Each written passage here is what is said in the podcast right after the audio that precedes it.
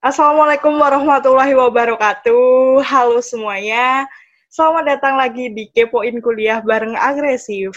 Ya, kali ini saya Mak Cin sudah terhubung bersama salah satu anggota keluarga agresif yang dulunya pernah tertusuk di depan kelas tertusuk payung tapi ternyata cuma sampai kaos kaki guys langsung coba pengalaman termemalukan Hai teman-teman, kenalin aku Amanda Widya Rahma. Aku mengambil jurusan ortotik prostetik dari Poltekkes Kemenkes Surakarta. Apa tadi jurusannya, Mbak? Jurusannya adalah ortotik prostetik.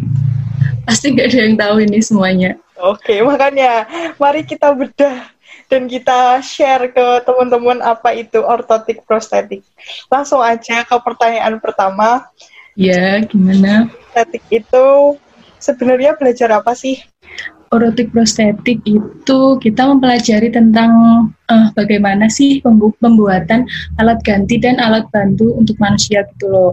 Misalnya seseorang yang diamputasi, otomatis kan kakinya ini ya, apa udah nggak bisa dibuat jalan, udah nggak bisa dibuat beraktivitas lah. Kita sebagai seorang orotik prostetik itu kita membuatkan alat seperti itu gitu. Gitu teman-teman. Oke. Okay. Pasti ini memang jarang banget sih di, di Indonesia soalnya hmm. emang buat orang awam itu apa sih kan nggak tahu ya. Hmm. Tapi ya udahlah. Tapi ini kalau di luar negeri tuh lumayan bagus prospeknya, guys.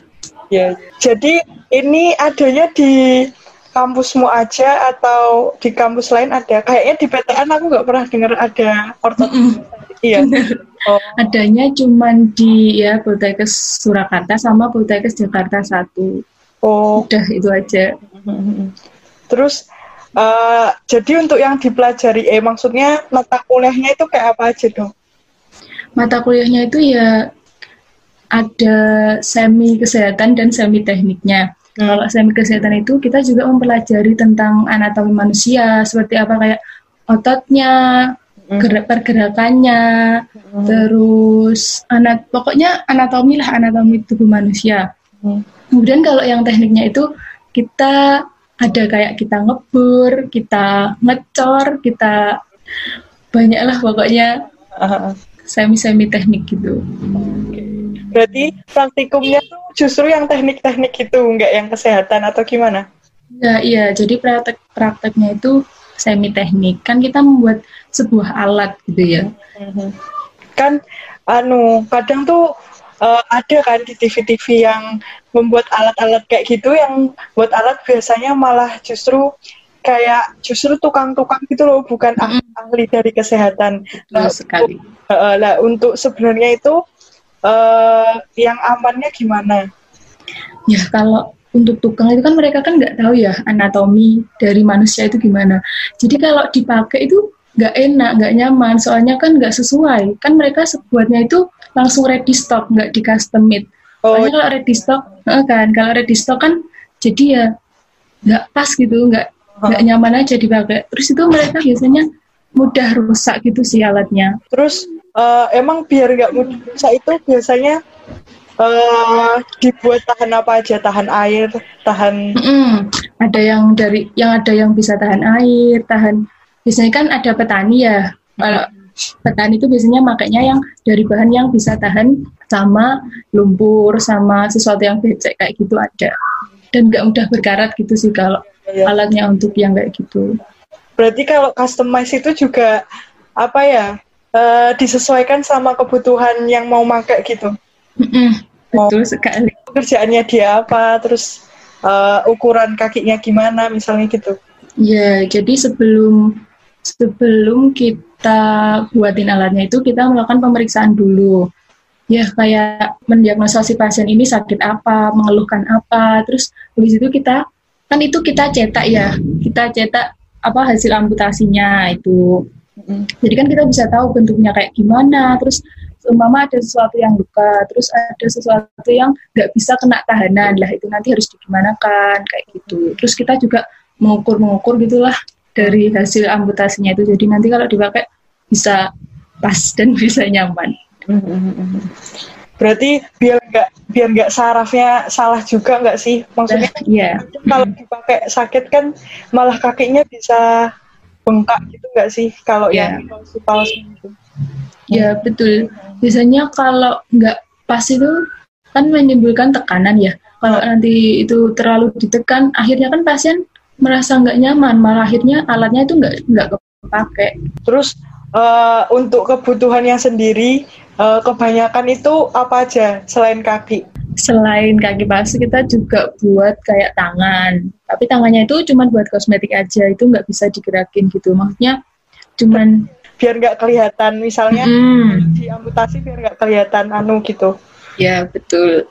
Tuh. Ya seperti itulah. Terus untuk prospek pekerjaan yang linear apa? Ya buat itu aja atau ada ada prospek yang lain sebenarnya? Sebenarnya ya cuman buat ini aja. Oh berarti apa? Misalnya eh, buka Praktek. praktek sendiri gitu. Ya bisa. Terus juga di rumah sakit. Tapi rumah sakitnya cuma rumah sakit besar. Yang rumah sakit ada tim rehabnya, tim rehabilitasinya. Oke. Terus habis itu kan ngomongin soal eh, ini masih jarang maksudnya di Indonesia protek prostetik kan eh, yang Amanda bilang tadi kan cuma di Poltekkes Solo sama Poltekkes Jakarta satu. Hmm. eh, untuk alasan sendiri kamu bisa terjun ke jurusan ini apa alasannya mungkin juga bisa apa ya buat eh, pandangan buat teman-teman yang mungkin pengen tahu tentang jurusanmu. Ya jadikan dari SMA dulu itu s- aku bingung banget mau milih jurusan apa. Terus maksudnya nggak ada pandangan gitu loh mau apa. Tapi dari dulu tuh aku daftarin semua. Maksudnya kalau ada pembukaan pendaftaran apa ya aku daftar dengan nilai ini ini ini, ini. semuanya persyaratannya ya udah udah aku lakukan sesuai prosedur dan semuanya udah aku daftarin gitu loh. Terus udah banyak banget kan kayak UNS, BPNS, terus apa lagi ya? Banyak lah pokoknya. Dulu kak juga sempat anu nggak sih tes yang FIK itu? Ya lah. Kemudian kan yang awal-awal itu kan semuanya daftarnya pakai rapot. Terus suatu hari tuh papaku tuh bilang kayak kamu daftar fisioterapi. Terus aku kan cari-cari ya fisioterapi itu ada di mana aja, di PTN mana aja. Terus aku menemukan lah Poltekkes Surakarta itu. Kemudian aku daftarlah si Poltekkes Surakarta ini dengan nilai rapot. Terus itu kan pilihannya tiga ya. Lah aku pilihan pertama itu fisioterapi, yang kedua itu okupasi terapi, terus yang ketiga lah. Yang ketiga ini kan nggak ada pilihan ya. Terus kayak bidan, perawat gitu kan, aku juga nggak nggak ada minat sama sekali. Akhirnya mamaku tuh bilang, kan dilihat-lihat kan di webnya itu jurusannya di sini tuh apa aja toh kayak gitu. Tiba-tiba adalah ini orthotic prosthetic ini. Kemudian tuh kan aku bilang sama mamaku, apa tuh mah ini nggak pernah dengar? Maksudnya kan ya emang nggak tahu ya nggak pernah dengar. Akhirnya kan browsing browsing kan tentang jurusan ini. Terus ternyata ya jurusan itu kayak gitu membuatlah alat bantu dan alat gerak untuk manusia yang disabilitas. Ya udah kan akhirnya aku tuh bilang ya udah wes nggak usah diisi aja sembilan ketiga. Tapi aku tuh bilang kayak eman-eman loh kalau nggak diisi gitu kan. Ya udah kan sebagai anak yang baik. Akhirnya aku menurutlah pilihan ketiga ortotik prostetik itu. Terus setelah itu pengumuman kan sebelum SBMPTN pengumuman. Terus aku tuh akhirnya terimanya di pilihan ketiga berhubung kan itu belum SBM akhirnya ya udahlah diambil dulu aja. Nanti kalau keterima SBM apa yang lainnya bisa pindah gitu kan. Ya udah akhirnya diambil dulu yang itu. Terus kemudian beberapa bulan kemudian SBMPTN lah SBMPTN itu kan aku juga bingung pertama itu mau ngambil apa jurusan apa. Kan aku nggak tahu ya. Awalnya kan aku anak IPA akhirnya setelah memikirkan itu sepanjang hari baik banget akhirnya aku mengambil keputusan untuk mengambil FIK itu setelah itu kan pasti kan tes ya tesnya itu lari larinya itu kalau enggak empat atau lima gitulah pokoknya mengelilingi si lapangan itu. Lah itu aku cuma dapat tiga kalau enggak dua. Pokoknya kurang satu lah di putaran itu. Gara-gara mungkin gara-gara aku udah keterima gitu ya, jadinya aku agak nggak semangat. Tapi ya udahlah akhirnya aku yakin sih itu pasti SBM-nya nggak nggak keterima gitu kan. Akhirnya pas pengumuman ya terjadilah aku nggak keterima SBM itu.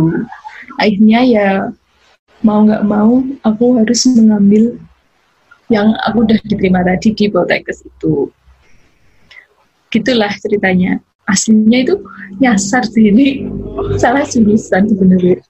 Ya udahlah. Hmm.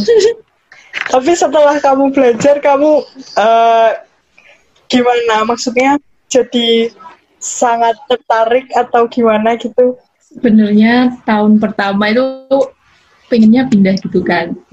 Tapi mikir-mikir lagi. Hmm. kalau mungkin kalau aku di jurusan ini maksudnya kan pesaingnya nggak terlalu banyak ya.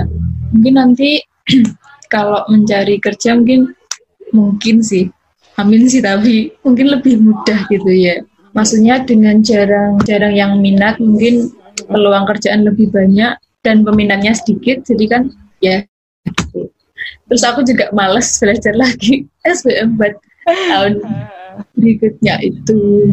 Yes, yes. Ya mungkin uh, uh, karena apa ya di Indonesia juga jarang dan bisa jadi seringnya impor gitu. Kalau yang benar-benar hmm. kan kalau ada kalian-kalian ini mungkin bisa maju Indonesia.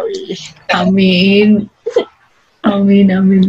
Kan ini kayak gab, jadinya gabungan antara teknik sama kesehatan. Itu uh, riuh nggak sih? Enggak sih sebenarnya. Hmm. Kan kalau sebelum praktek, kita kan juga pasti dapat materi ya. Hmm. Nanti di materi itu nanti kita dikasih tahu nanti prakteknya itu tahap-tahapannya kayak gimana aja kayak gitu. Jadi selama ini belum sih. Untuk uh, jadi ini nanti kamu kayak kalau lulus kita gelarnya apa?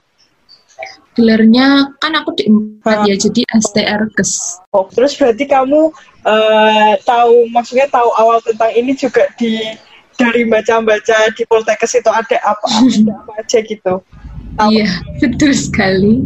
Kan daripada jurusan ketiga nggak diisi gitu kan pertama mikirnya itu kayak gitu. Tapi ternyata eh malah di situ nyemplung. Terus uh, ada tugas-tugas itu yang uh, ini baru banget ya buat kamu. Maksudnya ada nggak tugas-tugas yang bikin kamu wah keren nih gitu? Bukan tugas sih, sebenarnya lebih ke penerapan terhadap pasiennya sih.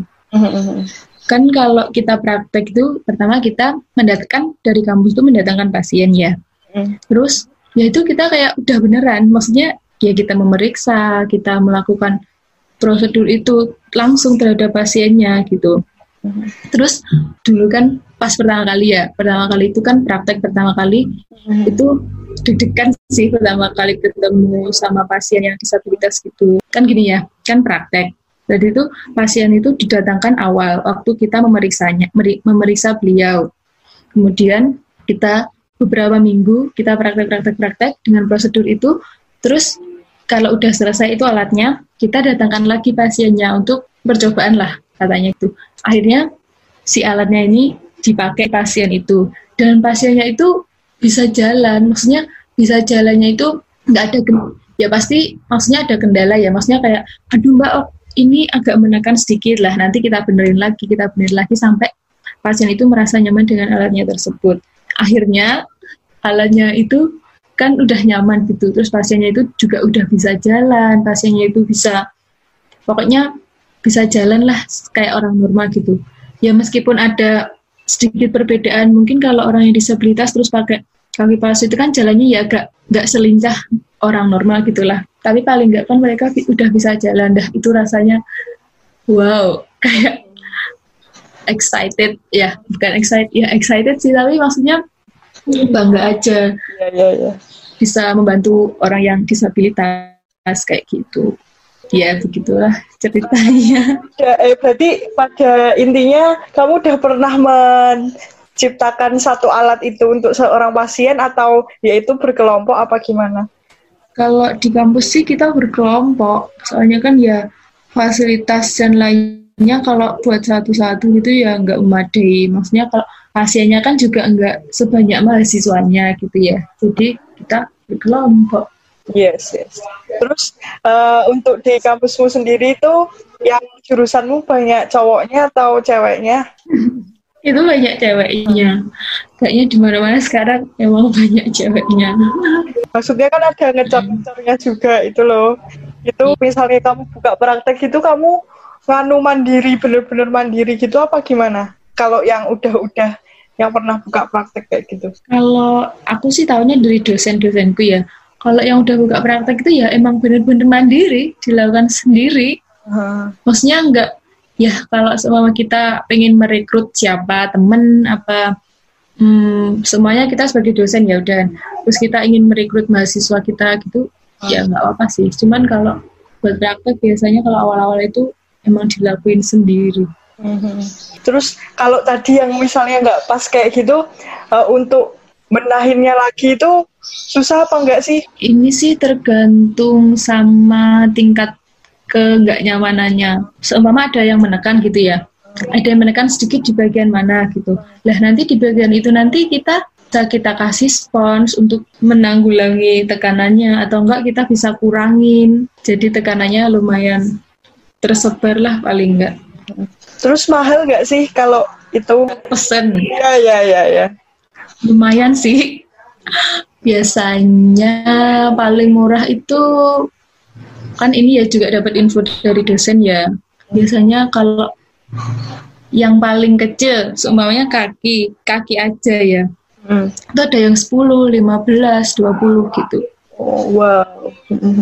Padahal kalau dibandingkan sama modalnya maksudnya buat-buat alatnya itu nggak maksudnya nggak semahal itu sih sebenarnya. Cuman kan ilmunya. pakainya kan bisa jangka panjang. Mungkin itu sih yang buat mahal. Terus berarti kayak gitu bahan-bahannya selalu sama semua kan standar kesehatan gimana gitu kan mm-hmm. sama sih sebenarnya cuman yang menjadikan perbedaan itu amputasinya setinggi apa kayak gitu seumpamanya amputasinya lutut mm-hmm. kalau enggak paha gitu kan biasanya orang-orang ya nanti ya itu nanti yang bikin beda cuman di situ sih. Ber- uh, yang amputasi tetap dokter kan kalian cuma ya Ya, jadi kan kalau biasanya di tim rehabilitasi itu yang mengamputasi dokter. Kemudian kan biasanya kayak ada hmm, terapi-terapinya dulu ya, kan nggak mungkin kan langsung pakai alat. Pasti itu ada masa pemulihannya dulu. Nah itu nanti dilakukan oleh si fisioterapi tersebut. Terus kalau udah benar-benar sembuh, itu nanti langsung dibuatkan alatnya kayak gitu. Jadi kayak dokternya itu ya kita konsultasi dulu ke dokternya si pasien ini mengalami apa kayak gimana gitu jadi ya kita buat itu juga nggak asal-asalan semau kita jadi kita juga tanya-tanya dulu ke dokter tersebut oke okay. uh, eh, ini aku mau tahu nih kalau misalnya adik-adik kita yang yeah. belum tahu tentang jurusanmu dan siapa tahu tertarik gimana nih tipsnya buat jadi mahasiswa jurusan tipsnya adalah tekun aja sih. Tekun terus sabar. Soalnya buat alat itu nggak segampang yang dibayangin. Pasti ada aja suatu halangan dan rintangan ya, ya. yang menerpa. Terus buat nganu kamu kayak coba deh promosi. Aduh. Promosi uh, jurusanmu deh. Kayak bulannya apa ini enggak maksudnya jurusanmu nggak banyak yang tahu dan harusnya lebih banyak yang tahu karena jurusanmu gini gini gini misalnya. Buat teman-teman semua hmm. sebenarnya jurusan ini emang jarang banget sih. Pasti kalian juga nggak tahu dan sebenarnya aku juga nggak tahu awalnya Terus kalau semuanya kalian masuk jurusan ini tuh sebenarnya mungkin kalian dikasih kesempatan Allah, dikasih kesempatan Tuhan untuk membantu sesama manusia ya. Maksudnya kan mereka disabilitas. Dengan di jurusan ini kalian bisalah membantu mereka dengan cara membuatkan alat tersebut. Pokoknya intinya kalau kalian masuk di jurusan ini tuh kalian bisa membantu sesama manusia sih. Khususnya itu. Siap, siap, siap. Jadi emang kita tuh kayak mungkin waktu pertama kali ngelihat pasien kayak gitu misalnya mesti baper dulu nggak sih? Ada rasa-rasa gimana gitu. Jadi kayak mentalnya kan juga dianu kan nggak mungkin kalian terus uh, tiba-tiba di Iya. Iya, pertamanya itu ya kayak ya Allah, ternyata kayak gitulah. Tapi itu sebelum praktek pasti kan udah dikasih tahuin ya sama dosennya. Nanti kalau ketemu pasien kalian tuh nggak boleh kayak menunjukkan kalau kalian sedih, kalian kasihan kayak itu. Jadi kita itu harus kasih, maksudnya kita juga harus profesional. Uh -uh, kayak profesional gitu, nggak boleh sedih, nggak boleh nangis. Soalnya kalau kita nangis, kita sedih itu pasien jadi kayak minder gitu loh. Oke okay, oke. Okay. Sebenarnya di jurusan ini tuh nggak cuma buat kaki palsu, tangan palsu doang ya. Kita juga bisa buat alat bantu. Misalnya, seorang anak cerebral palsi, ya, ya kan? Ya, ya. Itu kan dia ada kelemahan otot di bagian kakinya ya. Itu kita bisa buatin alat buat membantu mereka berjalan gitu loh.